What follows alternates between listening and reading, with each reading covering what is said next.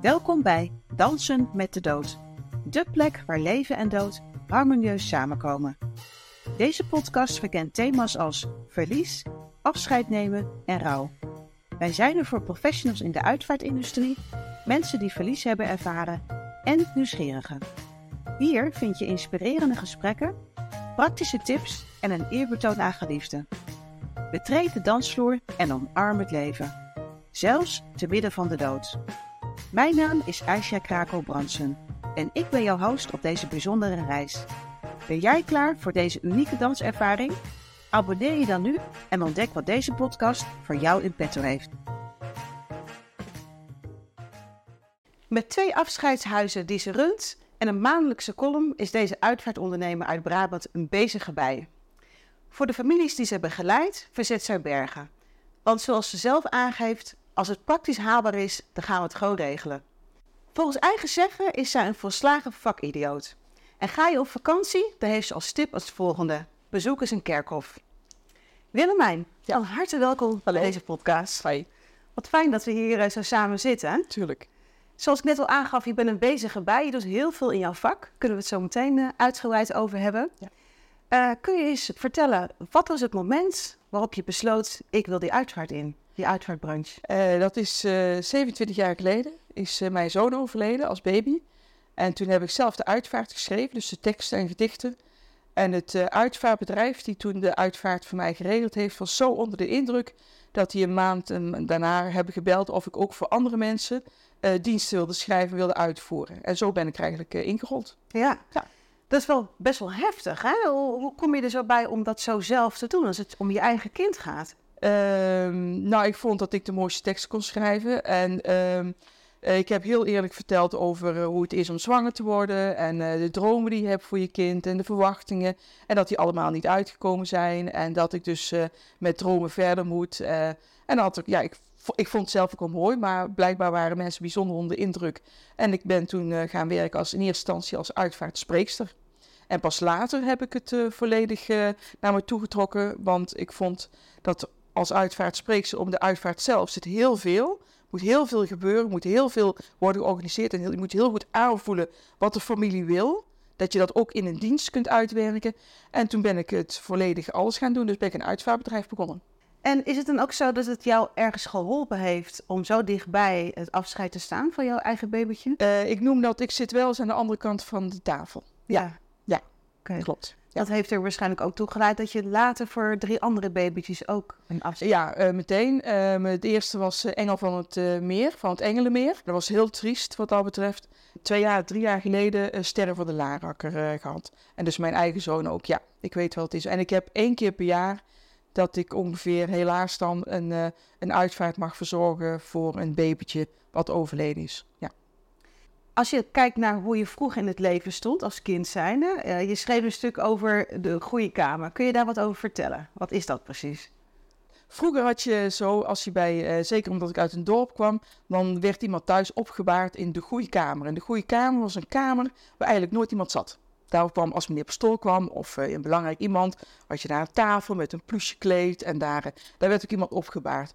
En mijn uh, opa's en oma's, dus familieleden, uh, die werden daar opgebaard. En als kind zijnde, vooral in het dorp, kon, mocht je daar ook gewoon naartoe gaan. En dus ze stond er ook gewoon bij. Maar daarnaast, uh, dat klinkt misschien raar, mijn, mijn familie waren allemaal jagers. Dus ik heb ook nog foto's dat ik in een box lig als baby. Met allemaal fazanten en konijnen zo over om mij heen. Uh, die werden daar gewoon neergelegd. En die werden dan later uh, geslacht. Die waren dus al uh, dood wat dat betreft. Dus misschien dat ik van jongs af aan daar wel iets feeling mee heb gehad. Dat weet ik niet. Maar en, en nu is het zo dat opbaren, rouwbezoek en afscheid nemen heel anders is dan vroeger. Nu wordt er gelukkig veel meer tijd aan besteed. En er wordt veel meer gekeken wat iemand wil. Vroeger was alles hetzelfde. Als je een uitvaart had, dan kwam meneer op stoor, er was een kerkdienst, er was een koffietafel, alles was hetzelfde.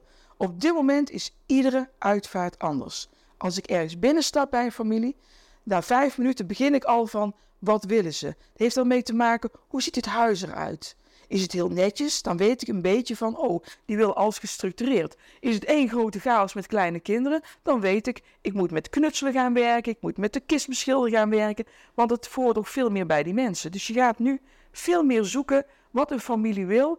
En, en, en dan samen eigenlijk vormgeven aan het afscheid wat dan gaat komen. Ja, heel mooi. Kun je een voorbeeld geven hoe dat dan gaat? Je, je komt ergens binnen bij een familie en hoe laat je zo'n gesprek? Maar als eerste begin ik altijd van uh, uh, vertellen van hoe gaat het met jullie? En dan vraag ik van hoe was het afscheid? En het mooie is dan dat de familie het hele medische dossier, alles gaat vertellen wat de afgelopen dagen is geweest. En dan luister ik.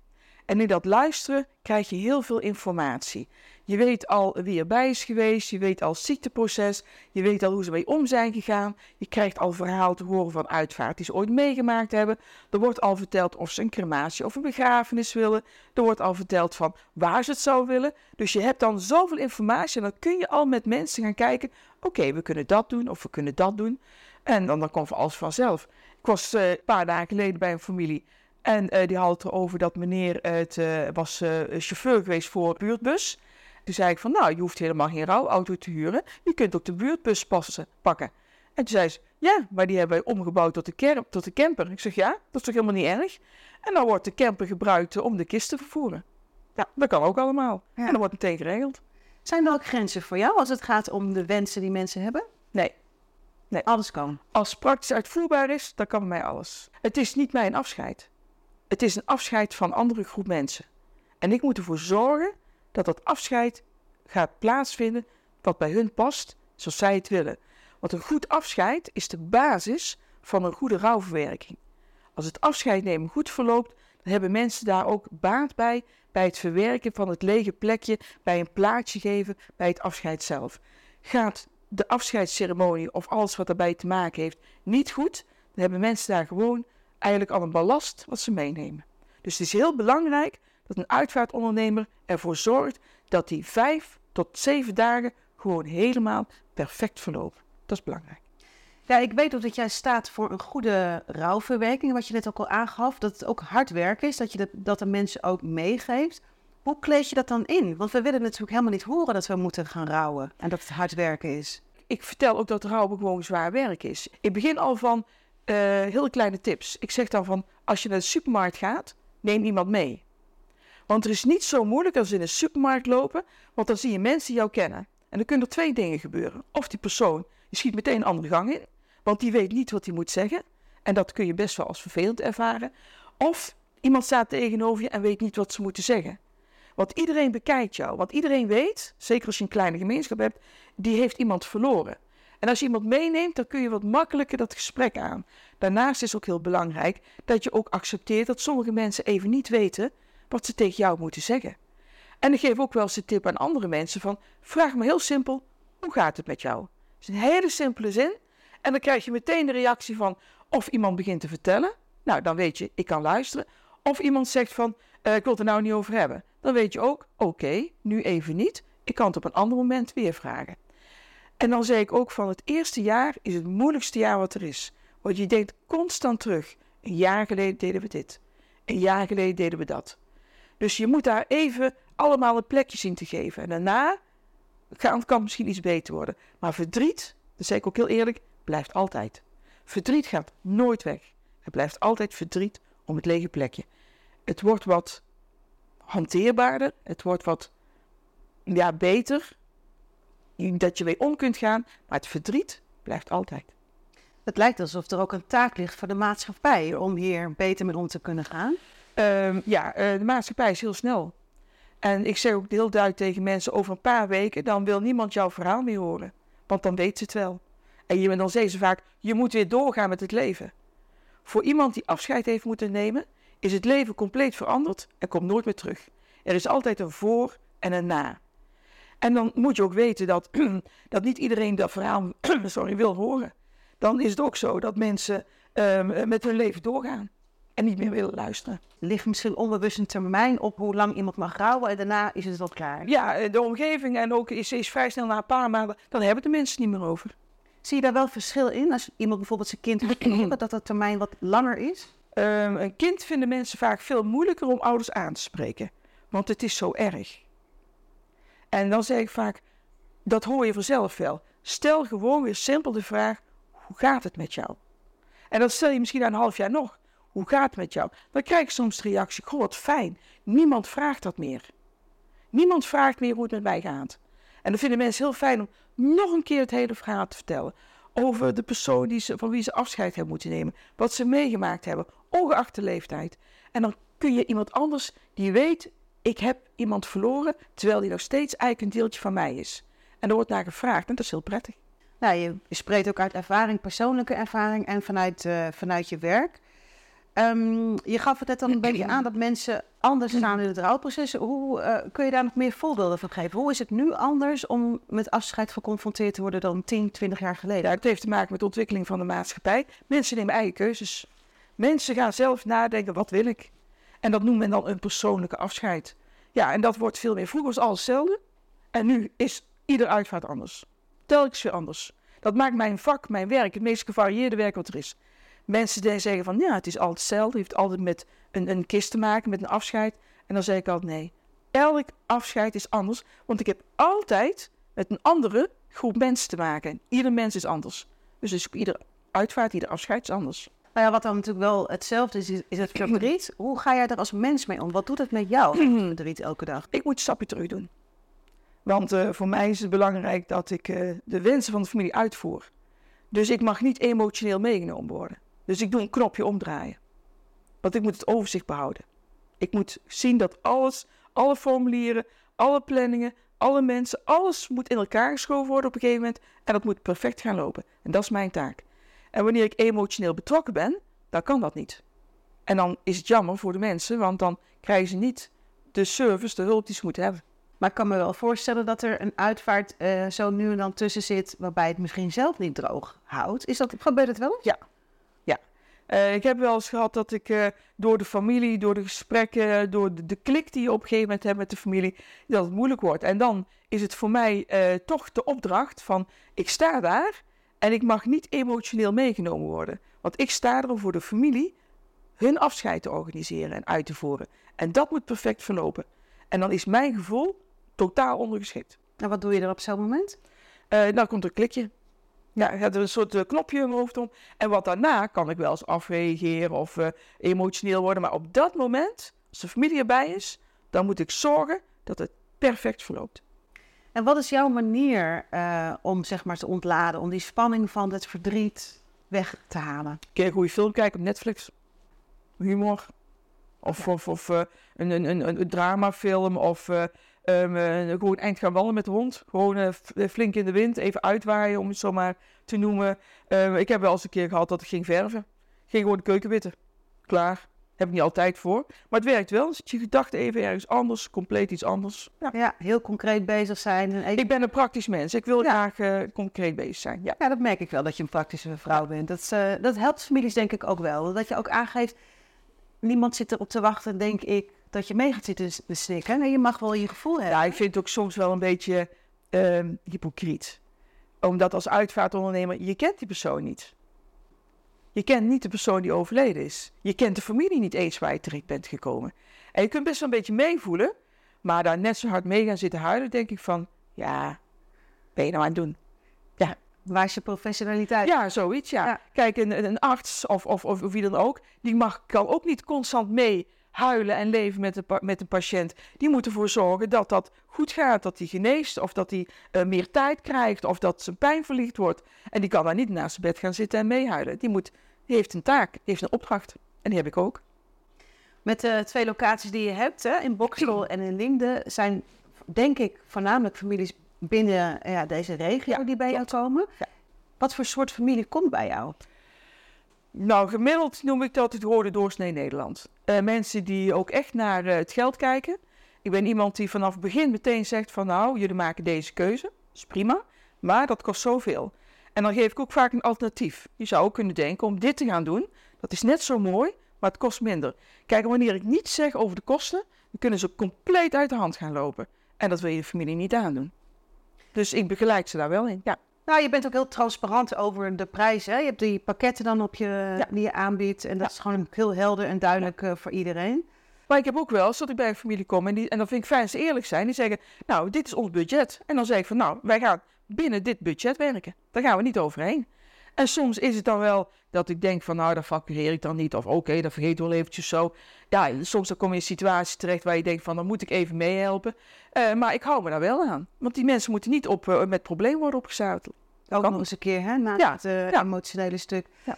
Um, wat ik net ook al eerder aangaf, je hebt twee afscheidshuizen en een rouwcentrum. Kun je het verschil tussen beide aangeven? Hoe, hoe werkt dat bij jou? Een uh, afscheidshuis is een huis, een, een ruimte. Bij mij zijn het al twee ruimtes. Waar mensen sleutel van krijgen en dan kunnen ze naartoe gaan wanneer ze willen. Ik weet bijvoorbeeld dat mensen daar s'nachts naartoe gaan. Die worden s'nachts wakker. Die uh, denken van, goh, ik wil even bij moeders zijn of bij vaders zijn. Nou, dat kan. Hoeven mij niet te bellen. Hoeven helemaal niets te doen. Kunnen sleutel pakken. Kunnen binnen gaan. Zet de verwarming aan. Kunnen koffie zetten. Er staat altijd een gevulde koekjestrommel, om zo maar te zeggen. Er is een gevulde koelkast met van alles wat ze kunnen eten. En dan blijven ze s'nachts zitten. Ik heb wel gehad mensen ook s'nachts blijven slapen. En, maar die ruimte is echt van de familie. Daar kan ook alles meegenomen worden. Ik heb ooit schilderijen gehad. Ik heb een scooter binnen gehad. Ik heb de, de fauteuil waar mevrouw altijd zat, heb ik binnen gehad. De gekste dingen, het maakt niet uit. Alles kan meegenomen worden. Als op het eind maar weer, weer terug gaat. Maar, en het is ook zo ingericht dat ze alle meubels kunnen verzetten. Als ze zeggen, oké, ik wil de zithoek hier, maar ik wil eigenlijk de zithoek daar hebben. Nou, prima, verschuif maar. Kan allemaal. Dus alles is verplaatsbaar. En als je kijkt naar uh, de soort uitvaart die je hebt gehad, hè, want het kan uh, helemaal zoals de familie wil. Wat zijn uitvaarten die jou echt bij zijn gebleven? Dat je denkt, die vergeet ik nooit meer. Nou, er is één uitvaart die ik nooit zal vergeten. Dat was, uh, ik denk dat er wel 250 mensen in de ruimte zaten.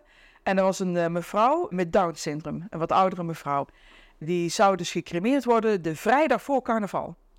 En toen zei de familie in één keer van ja, carnaval, dat vond ze ook altijd leuk, hoort wel een beetje bij haar. Daar wil iets mee doen. En te hebben een rouwkaart gemaakt in carnavalstijl. En we hebben alle gasten gevraagd of ze verkleed wilden komen. En er heeft iedereen gehoor aan gegeven. Ik zat daar te kijken naar een ruimte. Alleen maar narren en clowns en elfjes en alles liep er door elkaar heen. En ik was ook verkleed. Ik was een Chinese mandarijn. En hadden we daar de kist ook neergezet. Die was helemaal blank hout. En toen hadden we gezegd, op het eind van de dienst, dan mogen mensen vaak naar voren komen afscheid te nemen. Dat gaan we anders doen. We gaan zeggen, iedereen mag iets op de kist schrijven. Dan hadden we allemaal potten viltstiften klaargezet en schalen met stickertjes. En de kist, nou, er was geen wit plekje meer over. Iedereen, we hebben extra ruim tijd gekregen van het crematorium. Echt fantastisch, hebben ze ook heel erg voor bedankt.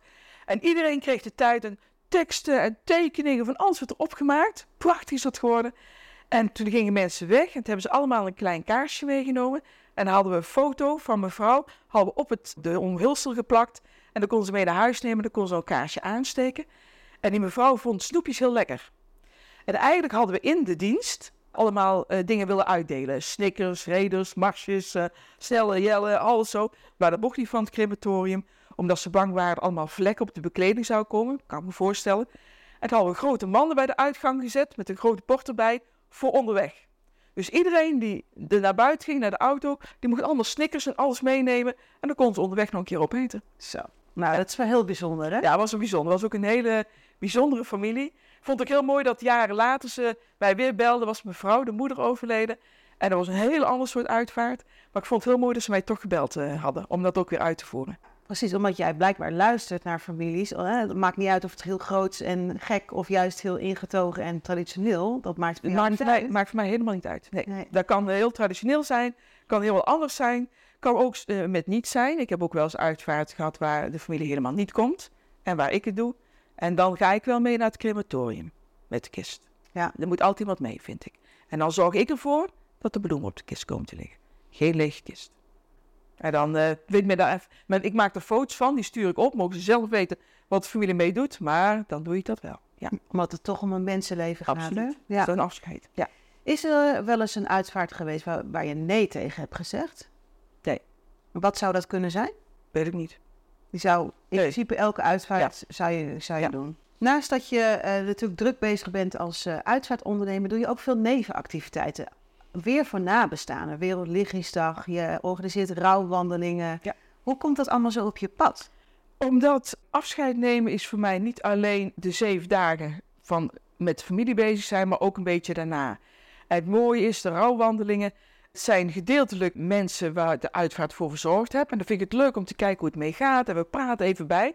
Maar ook mensen die, eigenlijk, die ik eigenlijk helemaal niet ken. En die zeggen van, Ja, ik loop mee, want ik wil weten hoe jij werkt en ik wil weten hoe jij denkt en dat soort zaken. Ja, Wereldlichtsdag hebben gehouden, hadden aan de voorkant van het pand al een hele grote kaars geprojecteerd. Dat was het, die ging aan op het zee om uh, zes uur, dan moet die uh, aan in Nederland. Al mooi geprojecteerd. En al die achter hadden we allemaal fakkels, helemaal vol fakkels gezet. En daar heb ik nog een tekst voorgelezen. En daarna is gewoon napraten. Ja. Mooi. Hoeveel mensen komen daar op aan? Tegen de 15 of zo, 20 zijn er toen uh, geweest. En rouwwandeling is ook echt een uh, kleine groep. Hè? Ik wil geen grote groep, want je, je praat met elkaar. En ik wil daar geen grote groep mee hebben. En uh, soms zijn er kinderen meegegaan, maar dan moet ook echt klikken wat dat betreft. Niet iedereen vindt dat heel fijn. Nee, precies. En misschien als ze ook te klein zijn, dat het dan ook weer afleidend kan zijn. Ja. Maar hoe is dat met jouw uitvaart en kinderen die erbij zijn? Uh, um, dat... Ja, ik heb speciaal een boekje geschreven voor ouders, waarin ze uitleg krijgen van hoe vertel ik een kind wat dood is, maar ook hoe vertel ik een kind wat te cremeren is en begraven. Ik heb ook boekjes geschreven voor kinderen. Dat is een uh, mijn koesterboekje. En dat is een herinneringsboekje wat kinderen kunnen maken. En dat boekje is uh, zo gemaakt dat het kind maakt het boekje. Dus het is niet een boekje met hele mooie tekeningen en zo. Nee, het kind moet het boekje maken. Dus allemaal de tekeningen die ze erin zetten, de dingen die ze erin plakken, de teksten die ze erin schrijven. Het wordt hun boekje. Dus dat krijgen ze allemaal van mij. En heb ik ook een boekje geschreven. En dat is een, uh, een knutselboekje. Dat is het uh, Koester Doeboekje. En daar staan al hele simpele knutselactiviteiten in. Maar er staat altijd bij vermeld, wat kan ik hier in de dienst mee doen? Dus uh, dan weet een kind, ik maak niet zomaar iets. Maar ik kan het meenemen of je kan een, een dienst doen. Bijvoorbeeld een heel mooi groot schilderij, gewoon bij de Action gaan halen. En uh, daar worden allemaal dingen opgeschreven door de familie. En dan kan ik in de dienst zeggen van ja, mevrouw was uh, een beetje eigenzinnig. Kijk, daar staat het, eigenzinnig. En dan kan ik iets vertellen waarom ze dat was. Of kon lekkere pannenkoeken bakken. Kijk, daar staat het. Ze kan lekkere pannenkoeken bakken. En dan kijk ik zo van, ja, want jullie vonden dat, hè? En dan kinderen reageren vrij spontaan. Ja, oma kon heel lekkere pannenkoeken bakken. En ik had laatst uh, een, een, dienst en toen noemde ik de voornaam van meneer. Zag er een kind de vinger op. Ik zeg, ja, wat is het? Nou, wij noemden hem altijd uh, anders. En toen werd de naam genoemd, een, een, een verbrastering van de roepnaam. Ik zeg, oké, dan noem ik hem ook zo. En toen heb ik de hele dienst ook die naam telkens weer gebruikt. En dan zie je zo'n kind van, ja, zie je wel, ze luistert naar mij, ik, ik hoor er ook bij. Ja. Maar kinderen mogen mij ook vrij rondlopen. Ik heb ook vaak gedaan, dat werkt heel goed voor wat kleine kinderen. Dan zetten we potten viltstiften bij de kist en doen we plastic zo op de ombouw, dat er niks beschadigd kan worden. En dan zeg ik ook tegen de ouders, ga niet de hele tijd jouw kind op die bank houden. Want jij bent hier ook om afscheid te nemen en niet om dat kind maar op die bank te houden. En voor dat kindje is dat ook niet prettig. Laat maar gewoon rondlopen. Ik heb kinderen gehad die gingen lang uit mij voor de microfoon liggen. Nou, vind ik prima. En ze mogen ook op de kist gaan schrijven en gaan schilderen en, of, en tekenen. En dat geeft een beetje fijne sfeer ook voor kinderen. Dat ze erbij betrokken worden en dat ze ook iets mogen doen. En ook zichtbaar iets doen. En dat ze ook op hun manier hun afscheid vorm gaan geven op dat ja, moment. Ja, ja. Ik heb het idee dat jij heel creatief bent als het gaat om um, ja, eigenlijk nieuwe diensten aanbieden. Uh, het ontstaat omdat jij ziet waar, waar, liggen de behoeftes bij de families. Zo ook uh, de koesterwaakmand. ja. Kun je daar wat over vertellen? Ja, dat is een waakmand. Die mogen ze bij mij ophalen. Ze mogen bellen, ik wil er een hebben. En daar zit van alles in en daar hoef ik niks van terug te hebben. Er zit bijvoorbeeld een nekkussentje in. Want waken is de laatste dagen bij iemand zitten waarvan je weet die komt te overlijden. En dan zit je in de stoel, maar je kunt niet lekker even een wegdutten. Dus je krijgt een, nekkussentje. Er zit altijd een pleet in. Een vliespleet waar je lekker onder kunt gaan zitten. Er is altijd een elektrisch steligje. Want vuur is wel dus een mooi potje met een elektrisch steligje erin. Daar zit ook knijp massageolie in. Want mensen vinden het heel fijn om de handen te masseren met een lekkere geur. Er zitten chocolaatjes in, want chocolade vinden we altijd uh, heel erg lekker. Daar zitten boeken in met gedichten. Kunnen zelf eens gaan kijken van kan ik een mooi gedichtje vinden. Maar ook een boek wat ik geschreven heb van wat kan er allemaal op je af. Want ik heb wel begrepen, als je bij een familie binnenkomt, dan moet je heel veel dingen regelen. En ik probeer het dan al in eerste instantie over de dagen te verdelen. Ik zeg altijd heel duidelijk, de eerste dag doen we alleen maar dit. En morgen kom ik terug, dan gaan we dat doen. En dan kom ik weer terug en dan gaan we dat doen. Want als mensen in een paar uurtjes de hele dienst in elkaar moeten zetten, dan worden echt verkeerde beslissingen genomen. Maar ze moeten heel veel over dingen nadenken. En alles in korte tijd. Dus ik heb een boek geschreven. Wat komt er allemaal op je af? En dan heb ik niet over zo'n laatste wensenboek wat ieder uitvaartbedrijf heeft. Ik leg uit wat koelingopbaring is. Ik leg uit wat balsem is. Ik laat allemaal voorbeelden zien van rouwkaarten. Ik vertel dat je een rouwauto kunt huren, maar ook dat je eigen auto kunt gebruiken. En dan heb ik ook een, een hoofdstuk gemaakt uh, van wat kan ik allemaal voor rituelen in de, in de dienst doen. En dan heb ik niet over hele dure, chique dingen, gewoon simpele dingen. We gaan binnenkort een filmpje maken dat je met post-it een kist kunt bekleden. Krijgt iedereen een post-it blaadje, kun je eens opschrijven, mag je op de kist plakken, wordt een kist gepersonaliseerd. Maar ook bijvoorbeeld, we hebben laatst 18 chocoladebollen op de kist gezet. Chocoladebollen? Chocoladebollen. Want toen leek ook uit van, je kunt bloemen op de kist leggen. Dat kan, prima, is ook heel mooi. Maar als iemand een fan was van chocoladebollen, dan zetten we allemaal chocoladebollen op de kist. En dan komen mensen naar voren. En dan uh, kun je chocoladebol eten. Wij hebben 18 chocoladebollen op zitten eten. Want we hadden het filmpje gemaakt. Nee, hè? Ja, dus ja, daar stonden we met die 18 chocoladebollen. Die hebben we allemaal op zitten eten. Ja, ja. En we hebben filmpje van gemaakt. Maar we gaan ook uh, met uh, bijvoorbeeld snaps doen. Gaan we allemaal borreltjes snaps op de kist zetten. En als mensen dan afscheid komen nemen, dan kunnen ze allemaal een borreltje opdrinken. En weer terugzetten. Dan kunnen ze eigenlijk een doos uitbrengen op de overledene. Ja. Maar ideeën krijg je door families. Maar ik krijg ook ideeën als ik gewoon in de supermarkt loop. Dan zie ik in één keer iets staan. Dan denk ik van, hé, hey, ja, daar kan ik dit mee doen. Of daar kan ik daarvoor gebruiken. Of als ik een beetje aanpas, kan ik er dat mee doen. Dus ja, je krijgt constant ideeën door de wereld om je heen. Ja. Wat is echt Brabants om te doen? Koffietafel, wat je misschien wel eerder aan. Ja, worstenbroodjes. En worstenbroodjes. Ja, worstenbroodjes. Bijna altijd worstenbroodjes. Ja, dat is echt Brabant. Ja. ja. En uh, balsemen gaf je net aan, ja. uh, thanatopraxie. Ja. Uh, kun je uitleggen wat het is? Tano wil zeggen dat iemand geen koeling nodig heeft. En uh, ik vind dat op zich heel fijn als een familie daarvoor kiest. Om, vooral voor kinderen, dan wordt iemand niet heel koud. Dus als ze dan aanraken, dan heb je, het is geen lichaamswarmte, maar niet de, de ijsvorming of zo. De huid blijft perfect mooi. Niets verkleurde uh, nagels of wat dan ook. De huid blijft echt na zeven dagen nog heel mooi. En het heeft te maken met het trouwproces. Want ik zeg ook altijd, het beeld van hoe iemand er dan uitziet, vergeet je nooit meer. En bij koeling is de kans groter dat een gezicht niet meer zo mooi is. En dat vind ik dan bijzonder jammer. Dus ik ben een absoluut voorstander van Tana. Ja. En ik heb een perfecte Tana-man. Dat geef ik er even bij. Pieter is perfect. Beste hier is in Nederland. Oké, ja. nou dan uh, is er een goede aanrader voor families om iemand ja. nog goed toonbaar uh, te maken. Ja, ik, uh, nou, ik laat de familie altijd keuze maken. Ik leg uit wat een koelingopbaring is. Ik leg uit wat Tana is. familie mag altijd de keuze maken. maar ik zeg wel eerlijk erbij, Tana zorgt ervoor dat een lichaam wel mooier blijft. Ja. Zeker, omdat vroeger, toen ik begon, waren drie, vier dagen voor een uitvaart. Het ging over naar vijf dagen. Op dit moment is zes, zeven dagen heel normaal. En je moet iemand wel heel mooi houden, zeven dagen. En dat is de opdracht, de taak van een uitvaartondernemer.